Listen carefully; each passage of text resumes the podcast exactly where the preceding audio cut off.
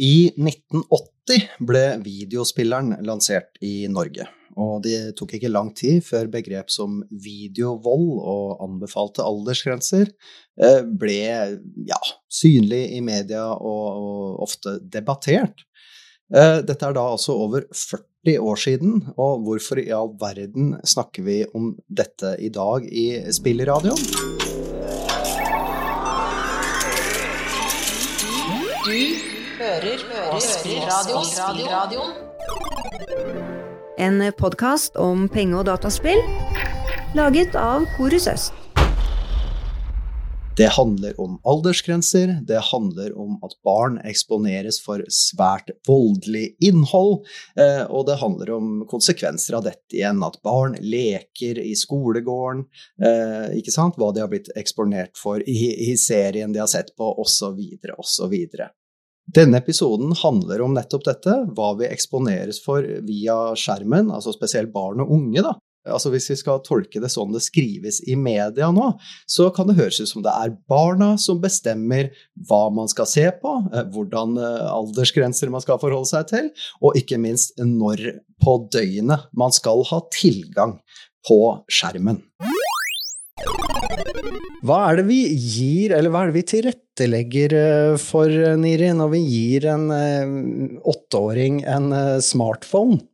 Det er jo ubegrensa muligheter, da, i eh, positiv og negativ forstand. Altså, da har du jo muligheten til å gå på veldig mange forskjellige sider, og du kan jo få eh, og plattformer, sosiale medier og den type ting. Og du kan jo også få lenker, selv om du ikke er på noe, noe som helst, eh, fra enten jevnaldrende eller eldre.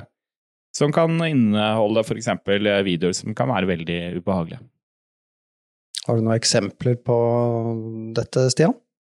Ja, altså det kan være veldig forskjellige former for uh, sterke inntrykk. Altså f.eks. i spill, ikke sant. At det er mm, veldig sterke voldsinntrykk, ikke sant. Det kan være forespørsler om å dele nakenbilder på ulike sosiale medier. Det kan være utestenging i både spill og sosiale medier. Uh, det kan være det å motta Eh, stygge, kjipe kommentarer altså i ulike fora, så det kan være, være så mangt. Og så er det selvfølgelig diverse videoer også som, eh, som, florerer, og som kan treffe deg veldig hardt. ikke sant? Du vet ikke hva som kommer, og så plutselig er det en veldig sterk eh, grafisk video som kommer og, og overrumpler deg, da. Så det er jo, som Niri sier, veldig sånn på, på godt og vondt, og kanskje også ekstra krevende for foreldre å å ha den oversikten, da. Eh, hvis man går litt sånn historisk til verks, så var det kanskje enklere med TV og video, hvor det var en stor skjerm, ikke sant. Dette foregikk i, i stua. Riktignok var det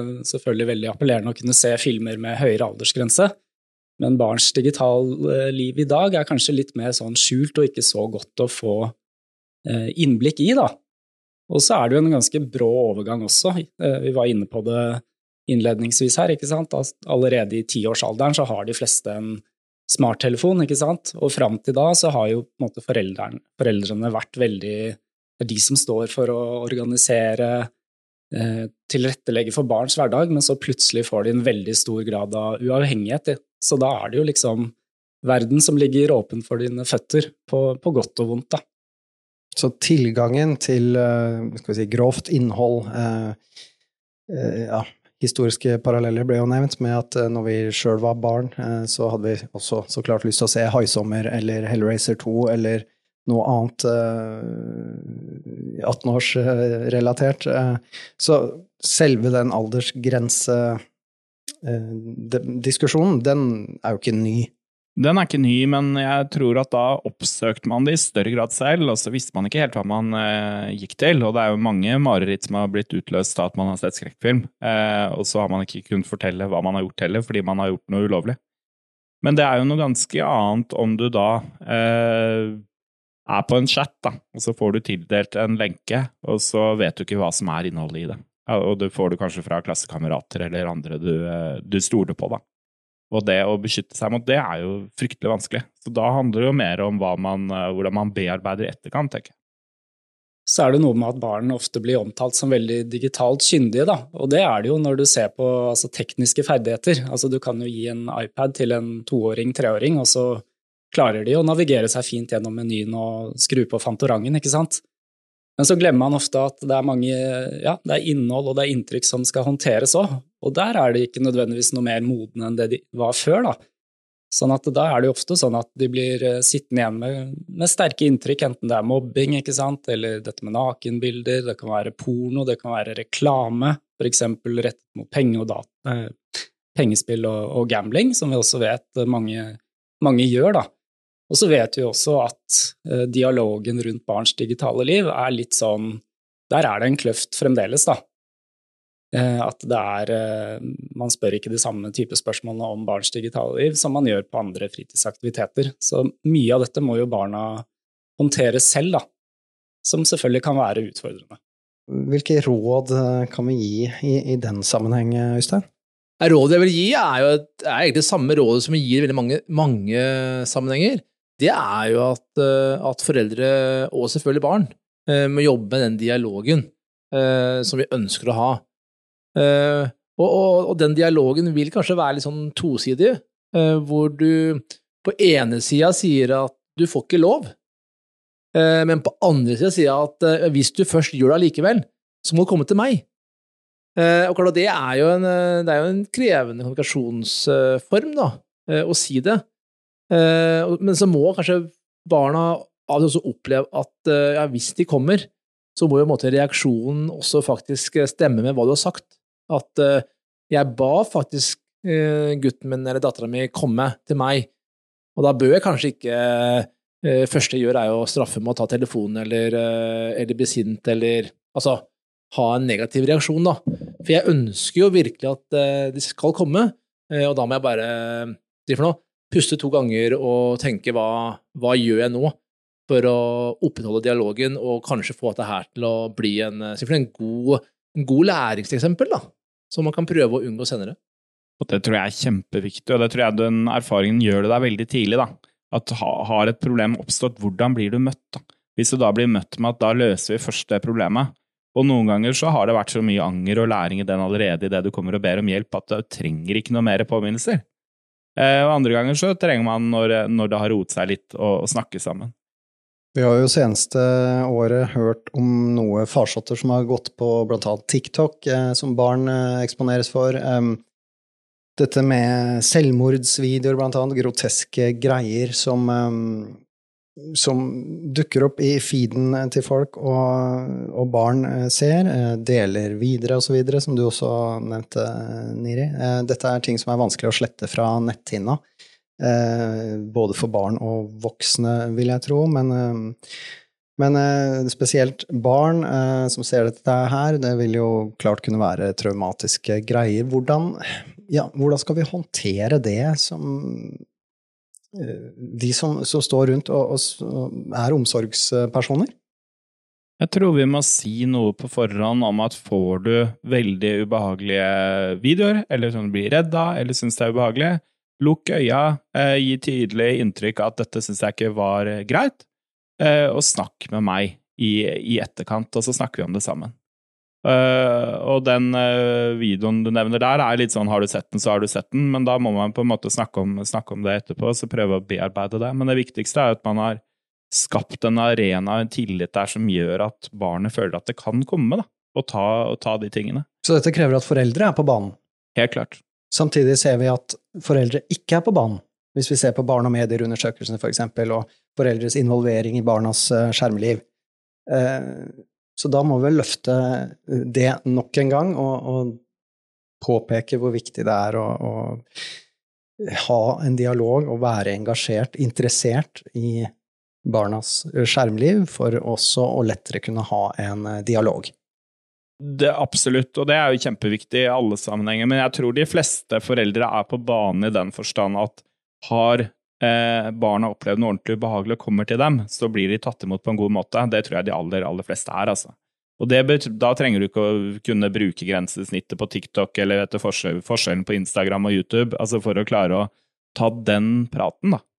Men så tror jeg man må liksom man, Altså, man burde jo absolutt ikke like det, men jeg tror det man bør erkjenne at de aller fleste barn i dag, som vokser opp i dag, kommer til å bli utsatt for en del ubehagelig innhold. Og det må man kunne håndtere, da. Og det påvirker jo samfunnet på mange måter. Altså, de sier det jo på Sex og samfunn at de får spørsmål om veldig andre typer eh, form, former for sex og mer avansert sex eh, i dag enn de fikk for 20 år siden. Og det handler jo om at man har sett eh, porno på nett. da. Det er få, få barn som har blitt 18 år og aldri sett noen ting. Ja, og det ser vi også fra undersøkelser. ikke sant? Det er vel rundt halvparten av barn og unge sånn fra 9 til 18 som har sett eh, porno på nett. ikke sant? Enten tilfeldigvis, eller at noen har sendt dem det, eller at de aktivt har oppsøkt det. Og så er det jo viktig å tenke på at altså, man tenker ofte om digitale medier, ikke sant? spill eller sosiale medier, som noe liksom frakoblet fra livet utenom, da. Men det er jo ofte en forlengelse av Eh, ja, de sosiale relasjonene du står i ellers, da. Sånn at man ser jo de samme, samme, tingene i barns relasjoner på godt og vondt. Alt fra mestring og ting som er veldig positivt, til, til utestenging, da. Men samtidig at barn eh, i liten grad oppsøker foreldrene sine hvis de blir utsatt for noe kjipt. For eksempel at noen har skrevet noe slemt til dem i chatten, i spill eller på sosiale medier. Der er det vel rundt én av ti barn som forteller at de etter en sånn opplevelse har gått til sine foreldre. Og det er nok fordi det oppleves kanskje litt skamfullt i seg selv, og kanskje også ekstra fordi en del foreldre eh, Ja, de frykter kanskje foreldrene vil si 'hva var det jeg sa', liksom, 'dette er ikke noe for deg'. Sånn at det blir på en måte en ja, dobbelt skam, da. Men jeg også tror som Niri at hvis man først gjør det, så vil nok de fleste foreldre se gjennom det da, og håndtere det på en god måte, men målet må jo være at enda flere barn tenker at det er en god ting å gå til sine foreldre når de blir utsatt for ulike, ja, ulikt negativt innhold. Da. Jeg gjentar meg sjøl, men jeg har sagt det i flere andre episoder, eh, og det er det her med, med altså de regulatoriske tingene eller, eller, eller tilpasningene av enhetene som finnes. Altså det er eh, fordi at eh, Altså, vi, sender gjerne barna våre ut i en digital verden da, uten at de liksom har på seg hjelm. Altså, vi, de får ikke lov til å sykle uten hjelm. Eh, eller vi Fra barna er bitte små, så sitter de i barneseter som er sånn polstra og i så sikre biler at, eh, at det, måte, altså det skjer ikke ulykker lenger. Og hvis det skjer ulykker, så, så er det sjelden at det er noen alvorlige skader eller i hvert fall dødsfall. Eh, men når det kommer til digitale arenaer, vi har sett det i forhold til dataspill, altså hvor, hvor, det har vært fokus på tid, så har foreldrene glemt innhold. da. Altså, Er det et voldelig spill, eller er det 18-årsgrense, eller hva er det for noe her? Eh, og Man kan tenke at det er noe av det samme som også skjer i forhold til altså, sosiale medier av forskjellig art. Eh, men du har masse muligheter, eh, men du må selvfølgelig være litt interessert. Eh, vi sa i stad at ja, du får en mobiltelefon i hånda, og den er liksom åpen for alt. Men du kan faktisk eh, sette noen begrensninger. Eh, og det, det er jeg sier, ikke at det løser det at da, da er barnet liksom polstra for uh, hva livet kan by på, uh, men det er likevel uh, vel så mye en arena for å snakke om hva man kan oppleve. jeg har jo fire gutter sjøl, og de selvfølgelig får jo lov til ting, men, men, men da, da, sier jeg ok, du får lov, men jeg setter de og de grensene, så vet du det. Det er ikke noe hemmelighetsgrenser. Og så snakker vi også om ja, hva er det som kan skje, ikke sant? og hva ønsker du skal gjøre hvis det skjer. Om, om man de får det til eller ikke, det vet jeg ikke alltid. Eh, men jeg har et eksempel. Eh, det er noen år siden. Eh, tipper han gutten min eldste var kanskje en åtte-ni ja, år, tenker jeg. Og, og, det tok litt tid før jeg fikk vite om det. Da, da viste det seg at han og en annen i klassa hadde jo tatt med iPadene sine. Og de hadde hørt på skolen at hvis man søkte på XXX et eller annet, eh, så kunne man få opp nakne damer. Så de, eh, de, hadde jo først sjekka iPaden til min sønn, eh, men den fungerte ikke, da. Den ville ikke åpne sånne sider. Men han kompisen sin iPad, den var vid åpen. Så der var det mulighet for å se både en og andre. Altså, ja, de kan få en enhet, og de kan få masse muligheter, men vi må jo tenke at det også er lov og greit å sette noen begrensninger. Og ikke tenke at de skal liksom, håndtere alt på egen hånd fra starten av.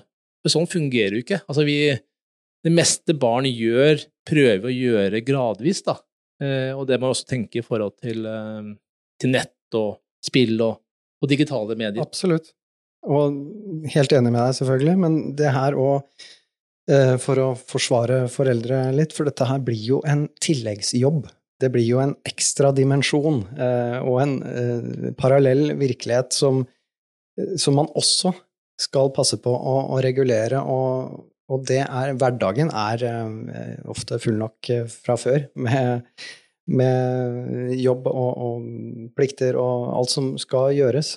Så å, å, ha tid og overskudd til å ha oversikt her, det har i hvert fall møtt uh, mange foreldre som er uh, ærlige på det, at dette her er Altså, det er helt utenfor mitt uh, felt. Jeg, jeg, forstår ikke dette her, og, og, henger ikke med, og er liksom litt fortvilte. Og, og du snakka litt om skyld og skam også i stad, sånn for barnas del, Stian, hvis de blir Eh, opplever noe ubehagelig, men dette her gjelder jo også foreldre, ikke sant? for man føler jo på skyldfølelse for å, at barna har hatt tilgang til uh, alt fra grov voldsporno til uh, selvmordsvideoer videre, uh, fordi man ikke har vært klar over hvordan man begrenser det.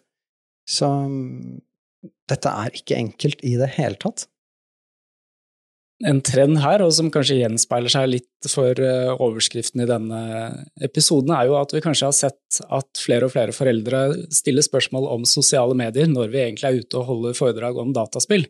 Altså Senest så var det en, en far som sa at ja, men denne spillingen er jeg egentlig ikke så bekymret for, for jeg ser at sønnen min sitter og er sosial, og jeg har litt oversikt.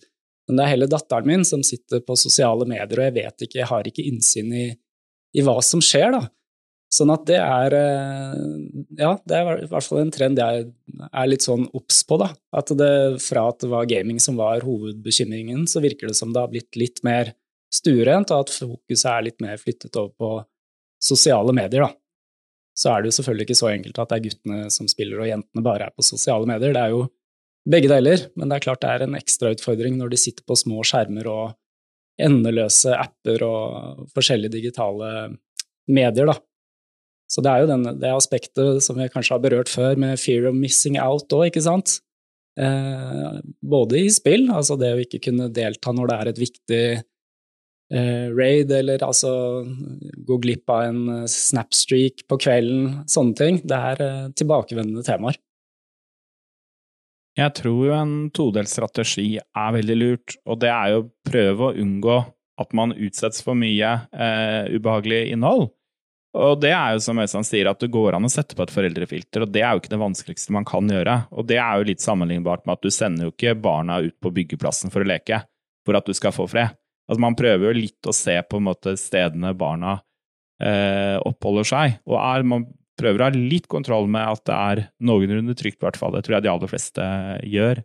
Og det er jo å ha den eh, hvordan håndtere det når noe ubehagelig skjer, for det kan skje helt uavhengig av hvor flink du er. Men det er klart, eh, jo mer man har rydda bort i forkant, jo mindre er sannsynligheten for at man blir utsatt for, eh, for mye ubehagelig innhold. Nei, man sender ikke barn ut på byggeplasser for å, å, leke. Et annet eksempel jeg hørte, var eh, du sender ikke en 14-åring på fylletur til Ayanapa, men man gir en smartphone eller en tablet med fri tilgang til alt som finnes på internett. Så mm, ja, når vi snakker om barn og sterke inntrykk eh, via skjermen, eh, Niri, er det, er det noen aldersgrenser på disse ulike spill? Vet vi jo eh, har aldersgrenser, anbefalte, fra 3 år til 18 år. Men hva med sosiale medier? Er det, er det noen aldersgrenser å forholde seg til her? Det er vel ofte 13-årsgrense som gjelder. og så vet vi at veldig mange yngre bruker det. Men da tenker jeg at da eh, lar du yngre barn bruke det, så tenker jeg det er ekstra viktig da, at man har en, eh, en plan for, eh, for, bruken. Og hvis vi skal si, eller komme med et sånt anbefalt skal vi si, minimumskrav til foreldre, Øystein? Altså Minimumskravet er vel kanskje å sette av en time til å faktisk se litt på hvilke Eh, innstillinger, begrensninger du kan eh, sette på den enheten, om det er en telefon eller eh, en spillkonsoll eller en PC. Og, og, da er det gjerne, som man ofte gjør, da, man går på YouTube, og så skriver man foreldrekontroll iPhone eller foreldrekontroll, Android eller et eller annet. Eh, og så er det gjerne en film du der kan på en måte følge, eh, og gå inn på enheten for liksom å ja, trykke det gjennom de forskjellige alternativene eller forskjellige delene av menyene, da.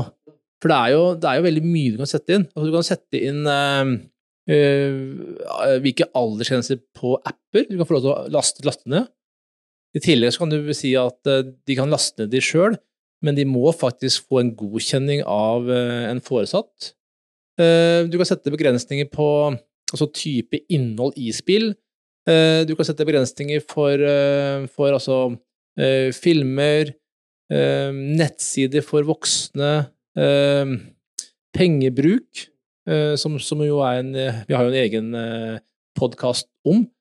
Eh, og, men også tidsbruk i, i, løpet av en dag. Hvor mye tid skal man få lov til å bruke på forskjellige apper? Og her kan du på en måte ha en generell grense, eller du kan ha en, en, en mer spesiell grense som, som, kanskje kan gjelde Noe gjelder bare spill, mens noe annet kanskje gjelder altså mer åpent, da. Hvis du f.eks. må gjøre lekser, da, så kan man på en måte ikke sperre enhetene eh, for å få gjort ting man trenger å gjøre som på en måte er mer skolerelatert. da. Eh, så, men gå inn på YouTube, så, så, vil du finne en film som, eh, som gir deg en, en, god veileder for å starte et arbeid. Og så er det jo sånn at dette her er jo ikke sånn noe man gjør én gang. Fordi barnet blir jo eldre, og du ser at de lærer mer og mer. Så det er jo en løpende jobb i forhold til å endre på det også. Du har gjort det én gang, så er det lett å endre på det. Med å øke sin egen kunnskap og rundt de ulike eh, løsningene, så vil man jo også, eh, skulle en tro, eh, ha et bedre grunnlag for å snakke sammen. Og snakke samme språk, som kan være en stor fordel i, i dialogen, da. Stian, du har snakka mye om den digitale kløfta, ikke sant? Og the kids will outsmart you, ikke sant?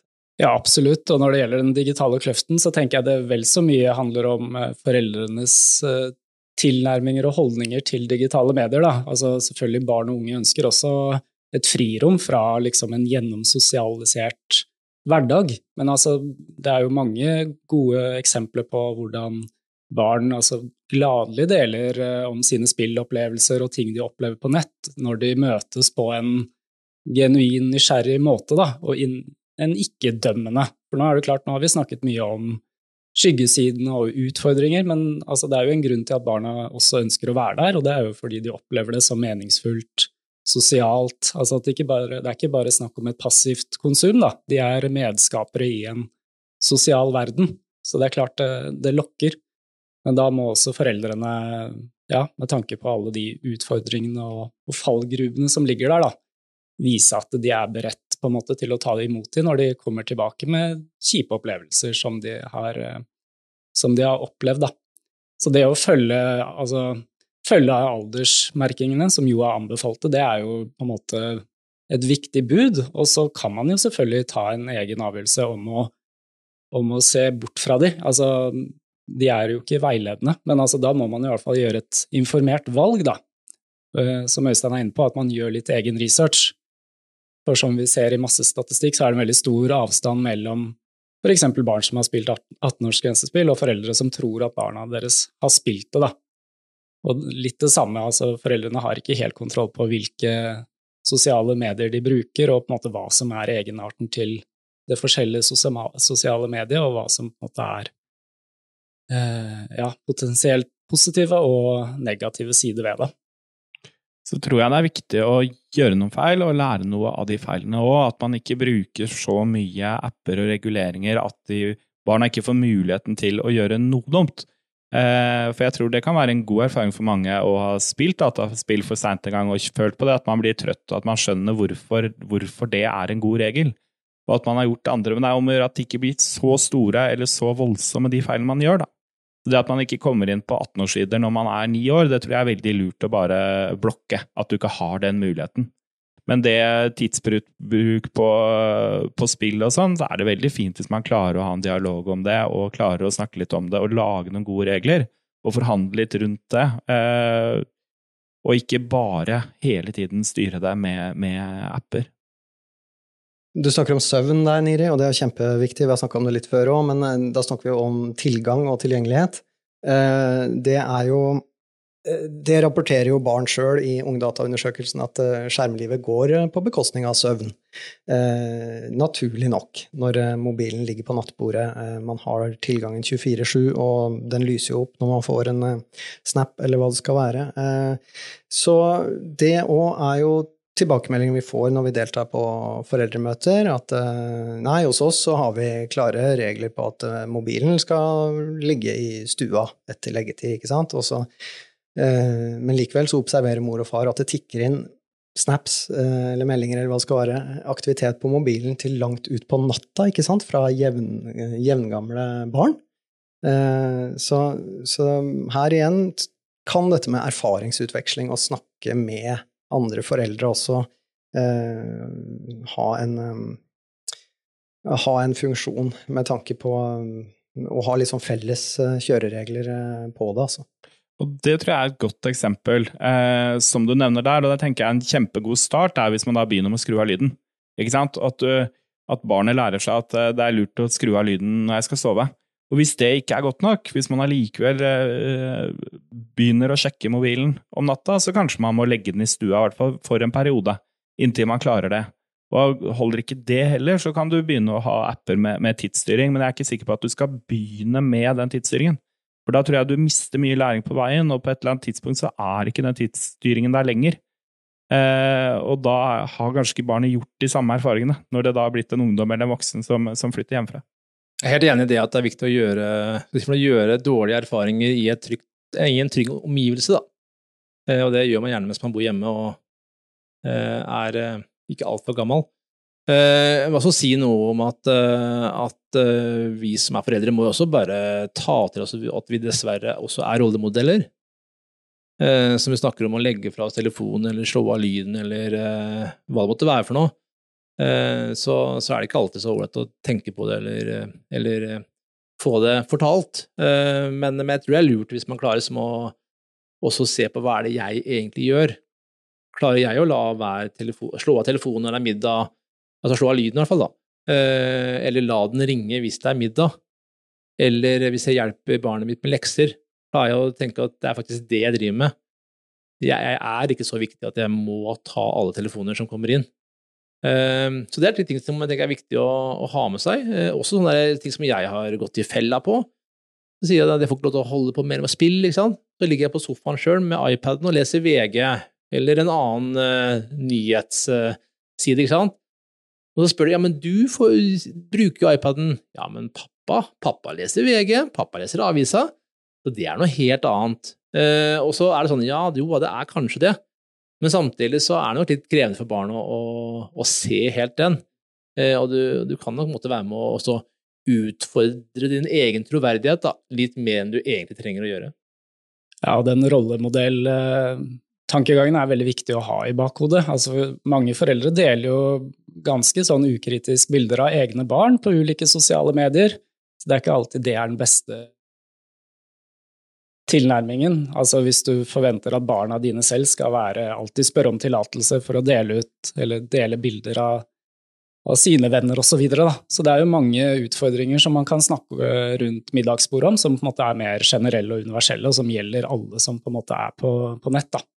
Øvrige ressurser kan jo òg være greit å ha nevnt. Eh, barnevakten.no har Øystein eh, nevnt. Ehm, der har du en god, en god, side som har mye informasjon eh, både på spill, aldersgrenser, innhold, sosiale medier, anbefalinger osv. Ehm, andre ressurser, ehm, Niri, hvis det, vi snakker om f.eks. Eh, Snapchat og barn som eksponeres for seksualisert innhold og deling av nakenbilder og den slags? Eh, Medietilsynet har en god side, og delbart.no er vel også en eh, god side for det. Delbart.no er jo da prosjekt av Kripos, eh, som har veldig mye god informasjon som, som handler om dette med deling av nakenbilder, som vi òg hører går ganske langt ned i alder. Så den sida anbefaler vi for mer kunnskap om akkurat den biten. Ja, og når det gjelder eh, altså innhold i spill eksempel, og kjipe opplevelser der, så ser vi at flere spill og spillutviklere har lagt til funksjoner i selve spillet. At du der og da kan rapportere ugrei oppførsel da, fra andre spilleres side, sånn at de kan bli sant? Du kan rapportere hva, hva som har skjedd, så det er også en positiv uh, utvikling. da. For det er jo mange som har opplevd uh, trakassering, mobbing osv. i spill. Skal vi oppsummere mye av det vi har snakka om i dag, uh, så, så, blir det vel at vi må snakke sammen. Vi må snakke sammen, altså kanskje voksne, snakke med andre voksne, og selvfølgelig voksne eller foresatte snakke med, med barna. Eh, og så må vi, hvis eller når eh, barnet kommer med noe som det har gjort, eh, utenfor hva som måte, grensene tillater, eh, eller som måtte ha vært ubehagelig på en eller annen måte, så må vi bare klare å puste litt ekstra eh, før vi faktisk reagerer. Og, og starte med å rose dem på at de faktisk kommer. Eh, og så må vi klare å holde på det gjennom hele samtalen, og ikke falle i den grøfta det gjerne er med å kritisere eller eh, Eller kanskje også komme med, med noen restriksjoner eller konsekvenser av å faktisk ha vært åpen. Ønsker du mer informasjon om vårt arbeid knyttet til spillproblematikk? Besøk våre nettsider www.rus-ost.no. Takk for at du lyttet til denne episoden. Teknisk ansvarlig Magnus Eidem ved Korus Øst.